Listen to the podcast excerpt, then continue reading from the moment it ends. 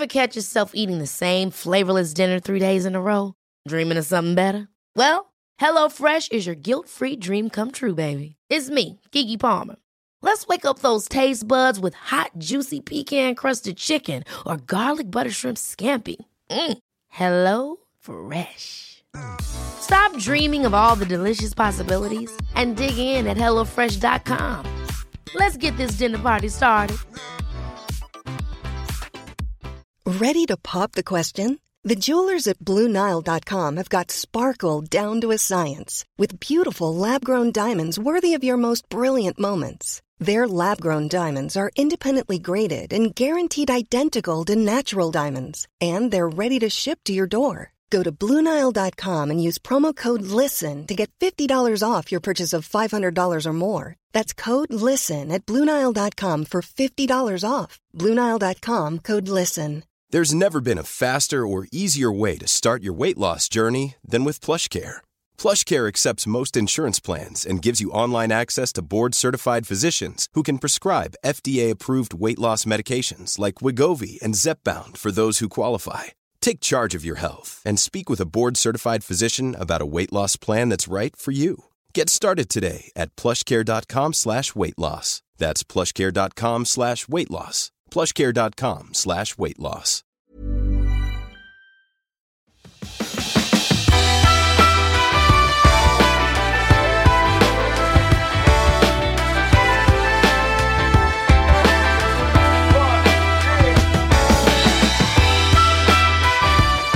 Hej och välkommen till Klimakteriepodden med mig, Åsa Melin. Socialstyrelsen har bråda dagar på grund av coronapandemin så jag är väldigt glad för att det här avsnittet har kommit till.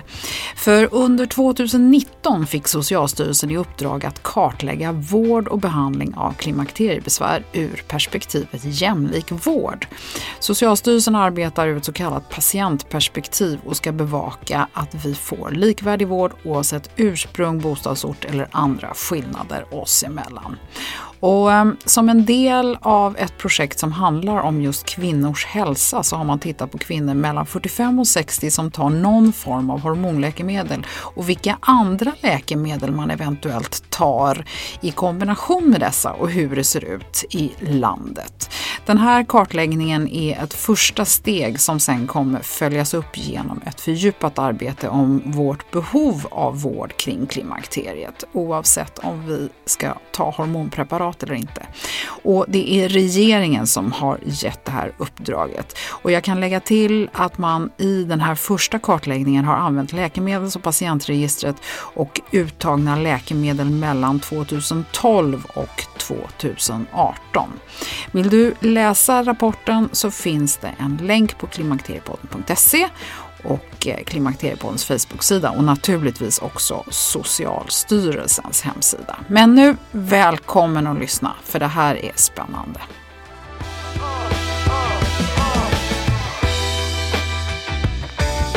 Här sitter jag på Socialstyrelsen. Jättespännande för mig att få träffa er, Kristina Stråth och Jörlin Frank. Hjärtligt välkomna till Klimakteriepodden.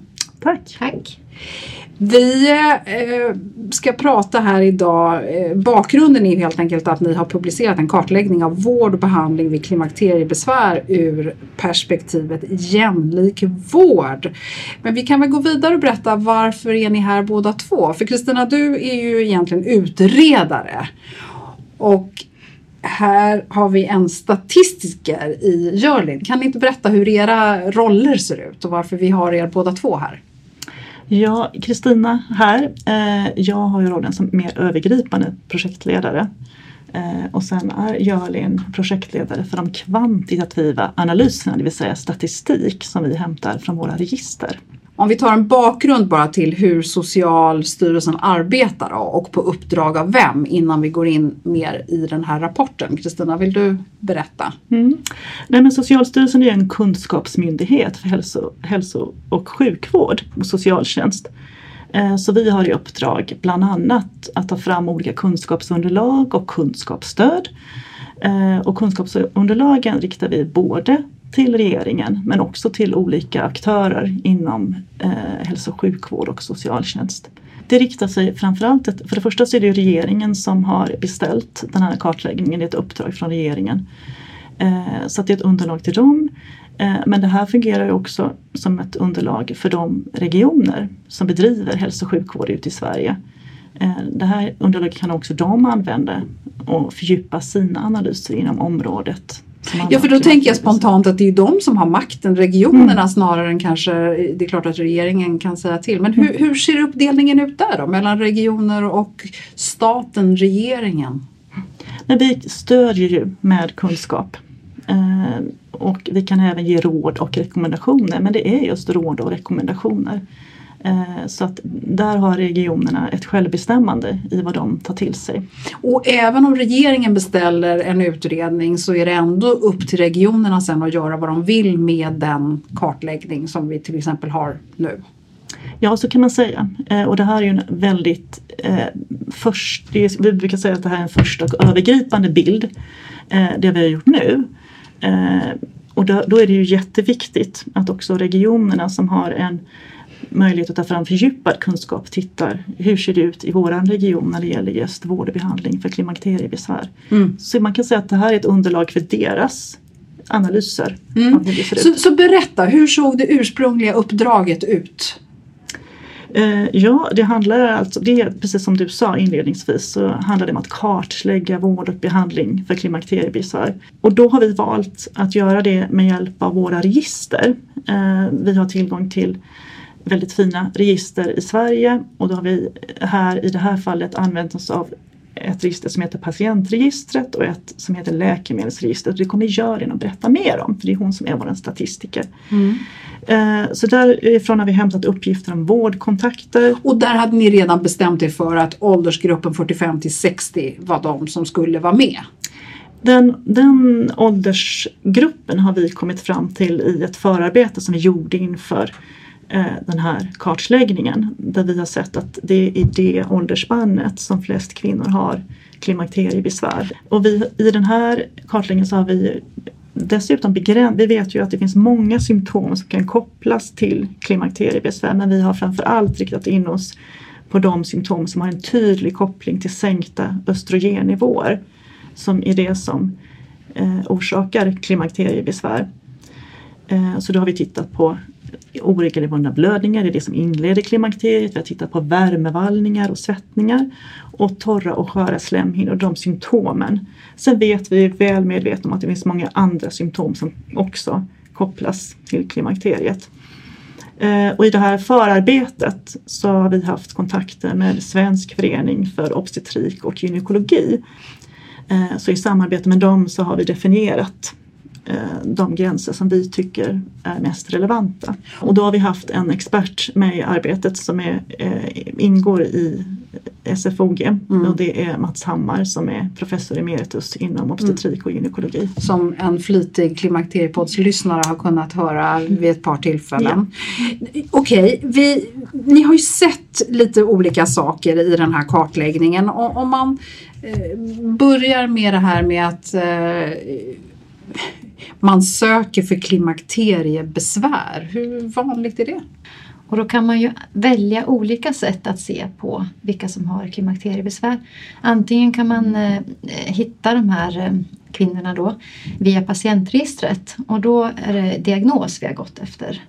En diagnos eh, som heter eh, N95 och det är en läkarkod, det är inget som kvinnan själv säger Nej. jag söker för det här. Nej precis, den, läkar, den läkarkod. Ja. Exakt. Och dessutom kan man hitta kvinnor via uttag av läkemedel då. Man definierar en grupp hormonläkemedel och så söker vi vår eh, grupp då genom de läkemedlen istället. Så det finns olika sätt att hitta mm. de populationer vi tittar så, på. Så, så, samma kvinnor kan liksom dyka in i den här grejen från flera håll kan man säga? Det skulle vi kunna säga. Ja. Mm. Okay. Mm. En viktig avgränsning här är ju att när det gäller primärvården så mm. ingår inte deras åtgärder i patientregistret där vi se, kan se just läkarbesök. Eh, men då har vi istället tittat på Eh, i vilken mån läkare inom primärvården skriver ut läkemedel och sen eh, att kvinnor också hämtar ut de här läkemedlen. Okej, då får så där vi, får vi en då, bild. Ja, nej men, och då får vi bara backa lite så att eh, jag förstår. Det är alltså kvinnor som har sökt för ett antal symptom. Men har man inte sökt hos en gynekologi, gy- gynekolog eller specialistvård så har man inte kommit med annat än via läkemedelsuttag. Det, stämmer. Mm, det stämmer. En av de sakerna som ni pratar om i den här rapporten är ju samsjuklighet. Jag tycker det är viktigt också att vi får fram här för att det är inte så enkelt att det bara är klimakteriebesvär med kvinnor som är 45 till 60 tänker jag. Ja, så först tänker jag det kan vara bra att berätta lite om vad är samsjuklighet? Och vi har också i rapporten valt att kalla det för samtidig ohälsa. Och det innebär helt enkelt eh, att vi tittar på Finns det några andra diagnoser, några andra sjukdomstillstånd som uppträder samtidigt som just i det här fallet klimakteriebesvär? Och det här gör vi nästan alltid i våra arbeten som eh, inriktas mot en viss diagnos eller en sjukdom. För är det så att man har fler diagnoser eller symptom så blir ju bilden mer komplex. Om vi nu pratar om klimakteriebesvär så är ju indikationen för behandling och målet med behandling är ju också att man ska få en förbättrad livskvalitet. Eh, och då har man många olika hälsoproblem så kan det verkligen förvärra besvären och ens livskvalitet. Mm. Vi, vi ser att överlag har kvinnor som använder de här hormonläkemedel vid klimakteriebesvär fler uttag av andra läkemedel eh, mot andra tillstånd och andra sjukdomar då än kvinnor som inte använder de här hormonläkemedlen för, eller vid klimakteriebesvär. Och det här ser vi ju stöd för i andra studier också, att det är så här. Och vi ser att främst används i högre grad som läkemedel, lugnande läkemedel, läkemedel mot magsår, läkemedel mot, mot förstoppning och antiinflammatoriska läkemedel för utvärtes bruk som till exempel mot eksem och eh, psoriasis. Det vi har tittat på i den här första kartläggningen är att det finns samtidigt som de här klimakteriebesvären. Ja, men vilket som var hönan och ägget Nej. det vet vi Nej. inte. Nej. Ja, Ja, detta, är den, detta är det enda resultat vi har fått fram men det är ju ett ganska eh, stadigt resultat kan man säga för läkemedelsregistret är väldigt pålitligt. Alla läkemedel som förskrivs och hämtas ut de registreras. Eh, Men precis som du själv sa så kan vi inte dra några slutsatser i det här. Eh, Är det de här andra tillstånden en riskfaktor? Eh, Är det en konsekvens av eh, klimakteriebesvär? Om det finns något samband, det kan vi inte uttala oss om. man behöver ta ut läkemedlet också för att vi ska se det. Både receptbelagda och receptfria. Däremot kanske vi kan lägga till att det är ju ingen som vet om man sen tar det. Nej, Nej. nej, absolut, det kan vi lägga till. Mm. Ehm, Och det kan man ju säga, det är ju också intressant eftersom vi vet att det finns en tvekan ibland inför hormonläkemedel. Ja, här- för det vet hör vi ju ofta Mm. att det- så fort man ser bipacksedeln så blir man rädd eller man har andra Mm. åsikter. Ja, det skiljer sig stort i landet. Det är också en av de parametrar som ni har kommit fram till. Berätta. Nej, men hur det skiljer sig i landet, det kan vi ju se att det gör i uthämtande av läkemedel då. Det är ju flest Kvinnor hämtar ut flest hormonläkemedel i Uppsala och i Stockholm och Halland. Och på andra sidan då så ser vi minst uttag i Blekinge, Jämtland och Kronoberg. Och har de här kvinnorna samtidigt fler läkarbesök per person i de här regionerna? Ja, vi ser liknande mönster men nu ska vi ju eh, komma ihåg här att vi ser inte primärvården Nej. när det gäller vårdkontakterna. Ehm, vi kan säga att läkemedelsuttagen blir någon slags proxy då för både primärvård och gynekologbesök. Ja. För jag tänker att man kanske får ett preparat från vårdcentralen och så får man ett annat av en gynekolog. Så att det är inte säkert att de kommer Nej. förskrivna från samma håll heller, eller hur? Nej, precis. Men alla de uthämtade läkemedel som vi ser det, oavsett varifrån de kommer så ser vi dem. Mm. Men däremot är det precis som Jörlin säger, vi vet väldigt lite om det är så att primärvården eller gynekologisk vård erbjuder andra åtgärder än eh, behandling med hormonläkemedel. Eh, och vi vet inte heller om det är så att andra yrkeskategorier, andra vårdprofessioner ger åtgärder. För deras åtgärder registreras inte heller i de här registren. Nej, men samtidigt så, så ser vi ju då läke, eller ni har ju sett läkemedlen som andra vårdgivare eller andra läkare eh, förskriver. Så, det, så att man kan väl ändå säga att era slutsatser är ganska tydliga, eller jag menar sanna, i alla fall när det gäller läkemedlen. När det gäller hormonläkemedel så, så är, är de stabila, de resultaten. Mm. Så jag menar det är ju den totala bilden av läkemedelskonsumtion för kvinnor 45 till 60. Som har fått diagnosen klimakteriebesvär. Mm. Ja. Dels har vi tittat på de kvinnor som har utskrivet och uthämtat hormonläkemedel vid klimakteriebesvär och vad har de för andra eh, uttagna läkemedel. Och sen har vi utgått från det. Det är främst det som jag tittat ja, mest okay, på. För det, ja. för det tycker jag är viktigt att man mm. förstår då att mm. kvinnors läkemedel generellt mellan 45 och 60, ja. det har vi ingen aning om.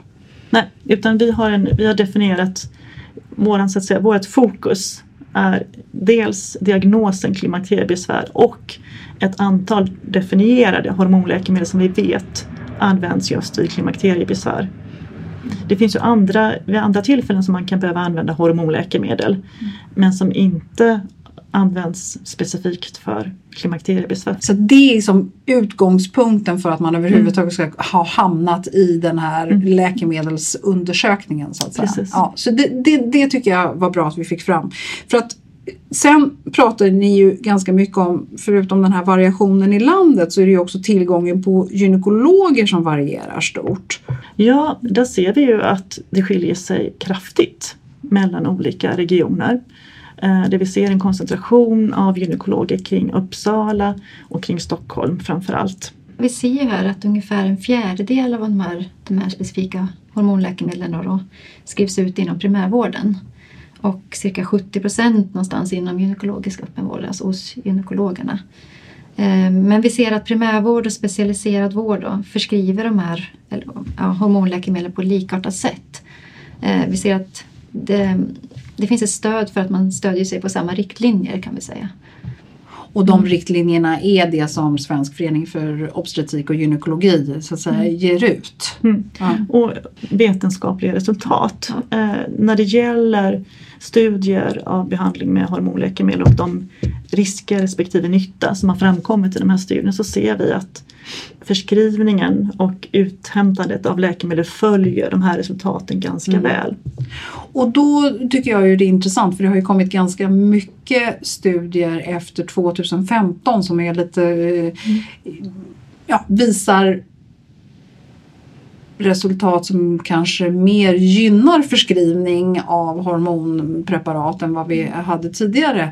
Och hur, hur ser man då kurvan för uthämtandet och förskrivningen mm. efter 2015? För här har ni ju mm. verkligen varit jo. inne och grottat. Jo men precis, vi ser ju just när det gäller eh, uthämtande av de här läkemedlen då så ser vi ju att det har varit lite stabilt här de första åren vi studerar. Och sen på slutet kan vi skönja en liten tendens till ökning.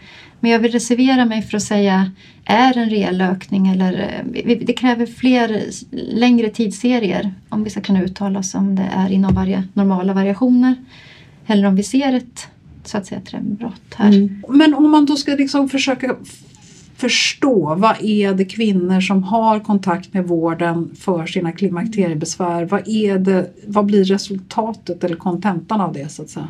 Mm. Ja, det kan vi ju bara med säkerhet uttala oss om just de här hormonläkemedlen som vi vet eh, är riktade mot klimakteriebesvär. Det är det vi kan säga. Eh, för sen kan det ju vara så att man inom primärvården, även inom gynekologin, ger andra åtgärder. Eh, vi brukar ofta prata om stegvis vård, det vill säga att man börjar med en lägsta effektiva nivån. Och det kan ju till exempel handla om att man får information om klimakteriebesvär. Vad innebär det att komma in i ett klimakterium? Vad kan jag göra själv? Vad finns det för egenvårdsåtgärder som jag kan ta till? Eh, vi vet ju också att det finns ett visst stöd för hälsosamma levnadsvanor. Det kan förbättra besvären och även hur man mår i största allmänhet. Mm. Eh, den typen av åtgärder kanske kan vara tillräckligt för en viss grupp av kvinnor. Mm. Och det vet vi inte hur mycket av det som görs.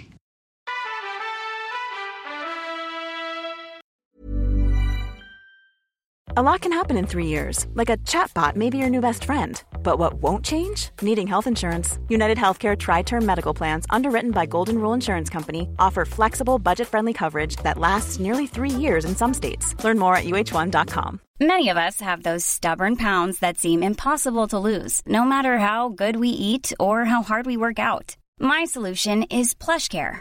PlushCare is a leading telehealth provider with doctors who are there for you day and night to partner with you in your weight loss journey. They can prescribe FDA-approved weight loss medications like Wagovi and Zepbound for those who qualify.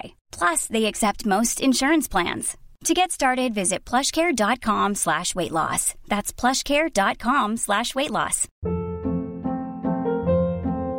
Hold up. What was that? Boring. No flavor. That was as bad as those leftovers you ate all week. Kiki Palmer here, and it's time to say hello to something fresh and guilt-free. Hello Fresh. Jazz up dinner with pecan-crusted chicken or garlic butter shrimp scampi. Now that's music to my mouth. Hello Fresh. Let's get this dinner party started. Discover all the delicious possibilities at hellofresh.com.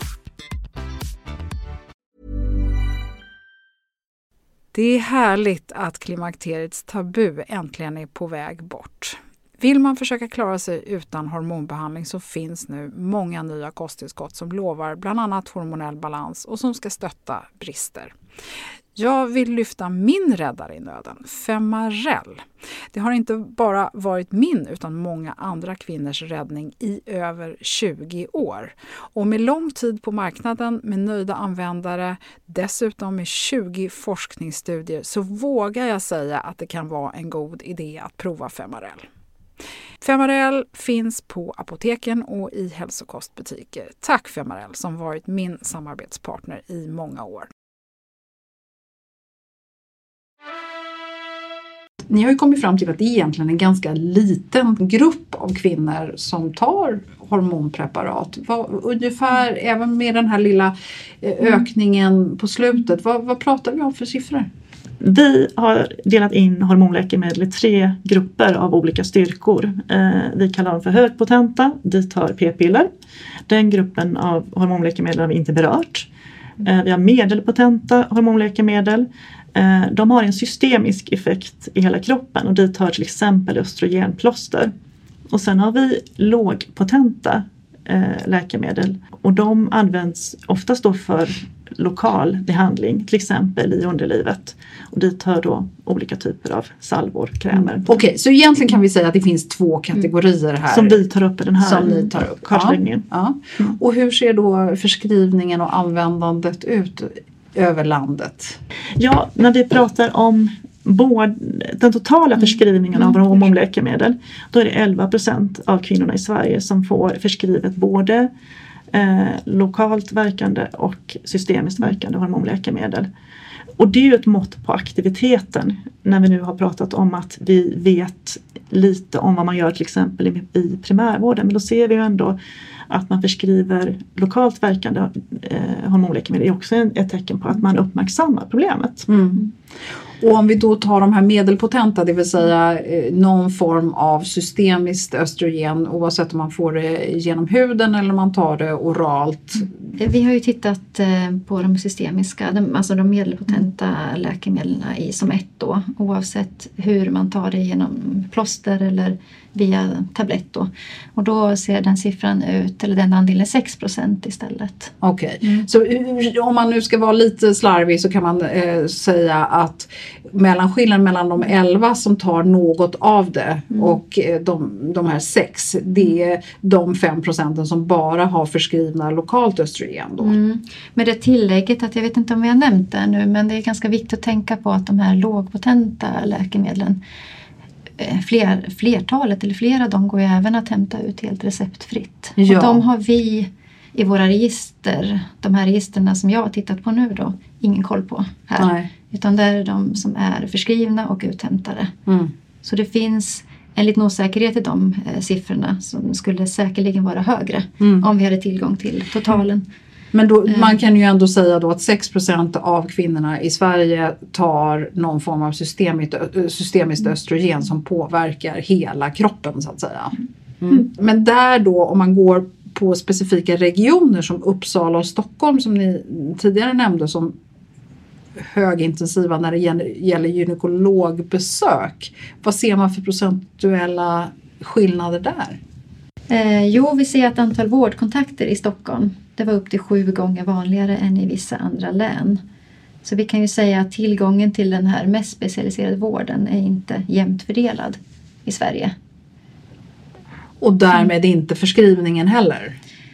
Nej, det varierar också geografiskt. Vi ser, där har vi tittat på läkemedelsuttag så vi, och vi ser att eh, kvinnor i Uppsala och Stockholm har gjort eh, fler uttag än, ja det är samma som dyker upp igen här, Blekinge, Jämtland och Kronoberg som ligger på andra sidan. Så att, det följer... så, så att de här 6 procenten är ett snitt men man ser en lägre siffra i bland annat Blekinge, Kronoberg mm. medan Stockholm eh, och Uppsala skjuter mm. i höjden här mm. och det sammanfaller med att man har tillgång till specialistvård, det vill säga gynekologer. Precis. Ja. Det stämmer. Och, och, och då tänker jag ju direkt att jag drar en massa slutsatser av, av det här men det är inte eran uppgift riktigt att göra. Mm. så att jag ska inte ställa den frågan så. Men däremot så skulle jag vilja att ni berättar om det är någonting som sticker ut eller förvånar i den här kartläggningen som ni har gjort.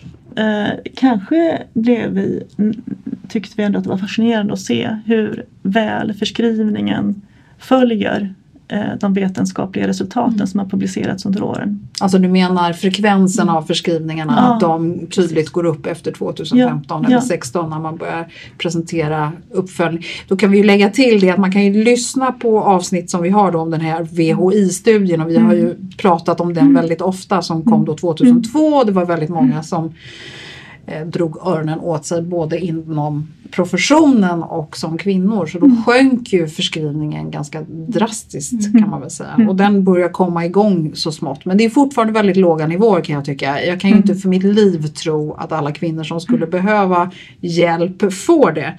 Eh, men eh, varför det ser ut så här och hur det hänger ihop, det, det, kan ju inte ni riktigt svara på. Vad hoppas ni att fortsättningen blir på det här?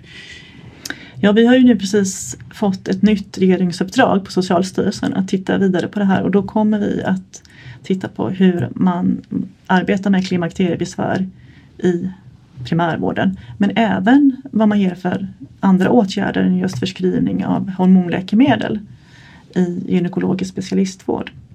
Och vad skulle det kunna vara? De andra åtgärderna? Ja. ja, det kan ju vara att man till exempel ger råd om hälsosamma levnadsvanor. I det här fallet så är det oftast fysisk aktivitet som vi vet kan minska besvären. Eh, men det kan vara hälsosamma levnadsvanor generellt mm. som gör att kvinnan mår bättre. Och det, det, finns ju även andra alternativ som vi dock inte har samma kanske vetenskapliga stöd för. Men det är, in, det är av intresse att veta vad man gör. Mm. När hoppas ni kunna komma med del två av den här kartläggningen eller uppföljningsstudierna? Resultaten från nästa uppdrag om klimakteriebesvär de kommer att vara färdiga i början av eh, 2021. Mm. Okej, okay. och vad hoppas vi då kunna få, ha fått fram? Då vill vi få en bättre bild av vad är det för åtgärder man ger eh, inom både primärvård och eh, gynekologisk specialistvård. Mm. Så vi får en bild av om det är andra åtgärder man ger. I det uppdrag som ligger härnäst så in, ingår det också att ge förslag på förbättringsåtgärder när det gäller råd, stöd och behandling. Eh, exempelvis hur kvinnor upplever den vård som man idag kan erbjudas. Eh, eller vad man upplever att man behöver. Vad man har för preferenser när det gäller vård vi som står lite vid sidan om, vi kan tycka så att det går lite långsamt och vi tycker att det händer inte så mycket och så vidare. Men inom området, det som Socialstyrelsen jobbar med heter ju god vård.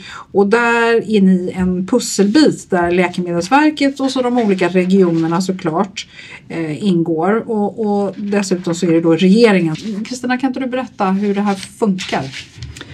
Socialstyrelsen en av kunskapsmyndigheterna. Den andra väsentliga aktören i det här sammanhanget är ju Läkemedelsverket för de har ju ansvaret för just behandling med hormonläkemedel eller med läkemedel överhuvudtaget. Att det fungerar på ett effektivt och säkert sätt. Så det är ju de nationella myndigheterna med det tydligaste uppdraget kanske inom det här området. Men sen har ju regionerna, eh, de som driver hälso och sjukvården och som har ansvaret ut mot patienter och invånare också en eget, ett eget system för nationell kunskapsstyrning. Eh, och det drivs med stöd av SKR, Sveriges kommuner och regioner. Så där sitter det också experter inom de här olika områdena som är aktuella just när det gäller klimakteriebesvär. Så de har också en roll i det här arbetet. Mm. Och är väldigt viktiga för eh, förankring ut i verksamheter och ut i regioner. Ja. Det känns ju från min sida så känns det som att man skulle behöva ganska snabbt egentligen ta reda på vad behöver kvinnorna, samhället. Om vi jobbar mot god vård, hållbara kvinnor, kvinnor som inte ska vara sjuka, medikaliserade. Eh, alltså, då, då känns det som att man ganska snabbt borde få in patient eller, och det blir också så konstigt för det här är inte patienter för klimakteriet, det är ingen sjukdom. Så det blir väldigt, jag tänker att det här lite hamnar mellan stolarna. Eller tänker jag fel? Så, så, kan man ju, så kan man ju se på det för det här är ju en del i kvinnors naturliga åldrande. Men likväl så är det ju så att när man får symptom och upplever att man inte mår bra så, det, så blir det en fråga för hälso och sjukvården. Eh, när vi tittar på lite det som du nämner, patientperspektivet, så är ju det vi kallar för individcentrerad vård är ett väldigt viktigt perspektiv i det här begreppet god vård. Och med tanke på att vi dessutom vet att kvinnor kan uppleva klimakteriet på många olika sätt eh, så är det än mer viktigt att man förstår att det här kan vara ett väsentligt problem mm. som kan yttra sig på olika sätt. Vi börjar i, som vi säger, i våra register eh, med de uppgifter som finns som är en unik källa till hur vi kan följa upp vården. Eh, och nästa steg blir att titta närmare på vad de här skillnaderna som vi ser kan bero på och ge förslag på möjliga förbättringar. Hur, hur man tänker sig att det här skulle kunna bli på ett sådant sätt så att det verkligen förbättrar kvinnors hälsa. Mm. Så att även om det är regeringen som så att säga har gett er uppdraget så är det ni som talar om för regeringen att det här skulle vi behöva eller det här ser vi skulle kunna eh, behöva tittas på närmare? Ja. Okay. En viktig del av ert arbete handlar om kunskapsspridning. Ja absolut. Eh, och, då är det ju så att eh, Socialstyrelsen riktar sig främst med sitt, sina kunskapsunderlag och sitt kunskapsstöd Eh, dels så riktar vi oss till beslutsfattare ute i hälso och sjukvård och i socialtjänst. Eh, vi kan ge ett stöd för ledning och styrning för hur man behöver prioritera vissa områden eller tillstånd och vad det kan, få för konsekvenser. Så det är en fråga om hur man behöver prioritera resurser också. Eh, men vi vänder oss också till verksamheterna. Även verksamheter då, mer patientnära verksamheter med stöd för hur man kan ge råd, stöd och behandling. Mm.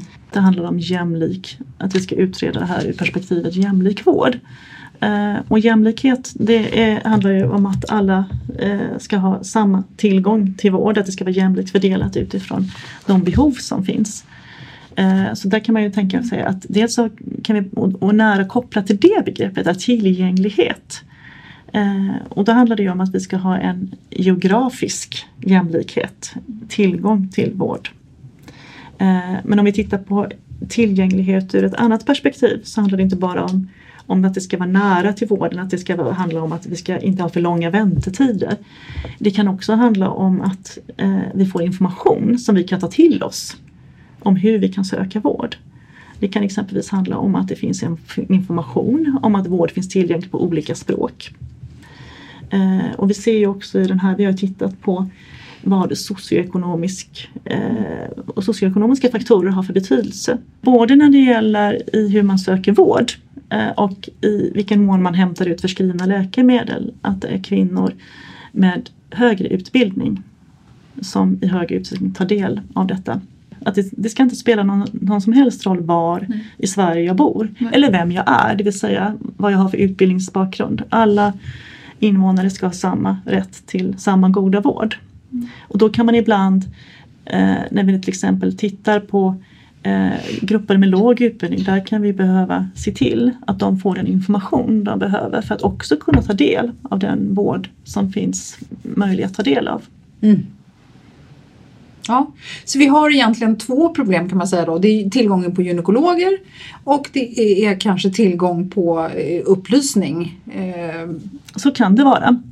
Ja. Eh, och, och, även då det som vi har sagt flera gånger tidigare. Vi vet inte om primärvården i andra delar av Sverige kompenserar i viss mån för det här. Vi vet ju också att det finns barnmorskemottagningar där man eh, arbetar med, med rådgivning kring klimakteriet.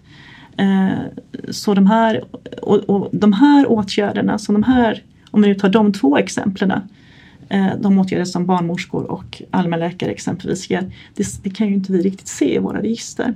Det kan även finnas andra yrkeskategorier som ger insatser vid klimakteriebesvär. Och det här är ju jättespännande med tanke på att ni nu ska gå vidare så då får ni mm. kanske gå vidare med lite djupintervjuer och ni får kanske göra andra saker. Precis, då kommer vi att behöva använda oss av andra undersökningsmetoder än att eh, göra studier med hjälp av våra register. Mm. Nej, men jag förstår. Vad tycker patienterna? Det är ett mm. självklart perspektiv. Mm. Mm. mm. Det hoppas ju vi ändå få med på något sätt för det är, står i centrum eh, förstås. Och innefattar naturligtvis det här begreppet god vård. Ja. Vården ska vara jämlik. Det är självklart att det inte ska spela någon roll var i Sverige jag bor eller eh, vem jag är, vad jag har för bakgrund som person. Eh, och tillgängligheten kopplar vi ihop med det ofta. Eh, Vården behöver vara tillgänglig för olika grupper med olika behov. Sammantaget eh, så är, det blir en sammanvägning av olika perspektiv för att vi ska kunna säga att det är god vård. Mm. Nej men det är väl jättebra så har vi lite koll på vad Socialstyrelsen mm. gör. Men det är spännande, eller hur? Det kommer eh, mer arbete följer. Mm. Absolut.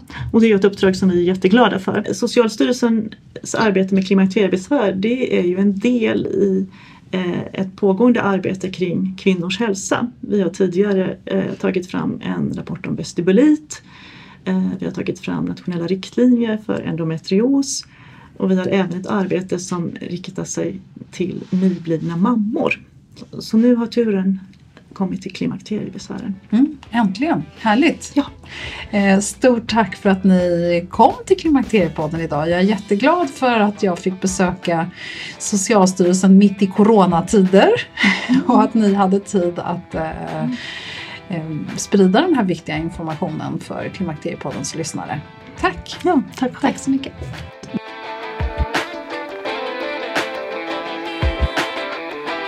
Om du är intresserad av den här VHI-studien, Women's Health Initiative, som vi talar om, så finns den att lyssna på i avsnitt 4b med professor Angelica Lindén Hirschberg.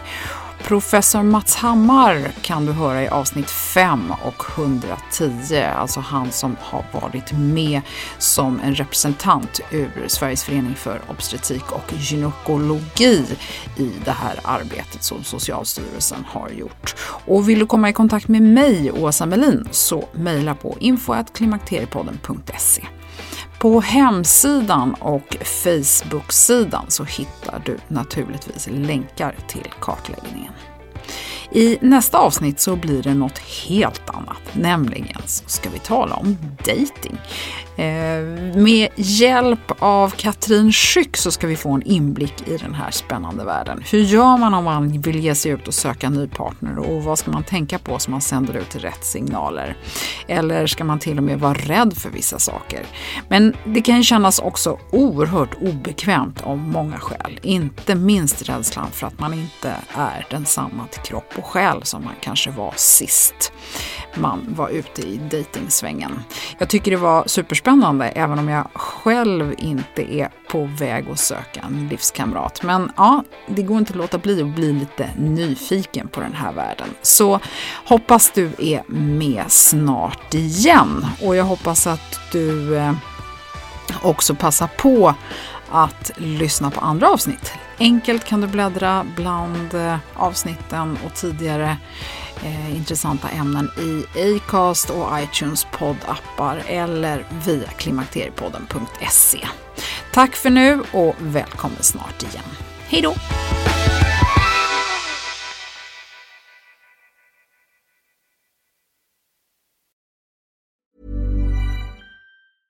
Have catch yourself eating the same flavorless dinner three days in a row? Dreaming of something better? Well, HelloFresh is your guilt-free dream come true, baby. It's me, Gigi Palmer. Let's wake up those taste buds with hot, juicy pecan-crusted chicken or garlic butter shrimp scampi. Mm. Hello Fresh. Stop dreaming of all the delicious possibilities and dig in at HelloFresh.com. Let's get this dinner party started. Imagine the softest sheets you've ever felt. Now imagine them getting even softer over time. That's what you'll feel with Bowl and Branch's organic cotton sheets. In a recent customer survey, 96% replied that Bowl and Branch sheets get softer with every wash. Start getting your best night's sleep in these sheets that get softer and softer for years to come. Try their sheets with a 30-night guarantee. Plus, get 15% off your first order at bowlandbranch.com. Code BUTTERY. Exclusions apply. See site for details. Hey, it's Paige DeSorbo from Giggly Squad. High quality fashion without the price tag. Say hello to Quince. I'm snagging high-end essentials like cozy cashmere sweaters, sleek leather jackets, fine jewelry, and so much more. With Quince being 50 to 80% less than similar brands. And they partner with factories that prioritize safe, ethical, and responsible manufacturing. I love that. Luxury quality within reach. Go to quince.com slash style to get free shipping and 365 day returns on your next order. Quince.com slash style.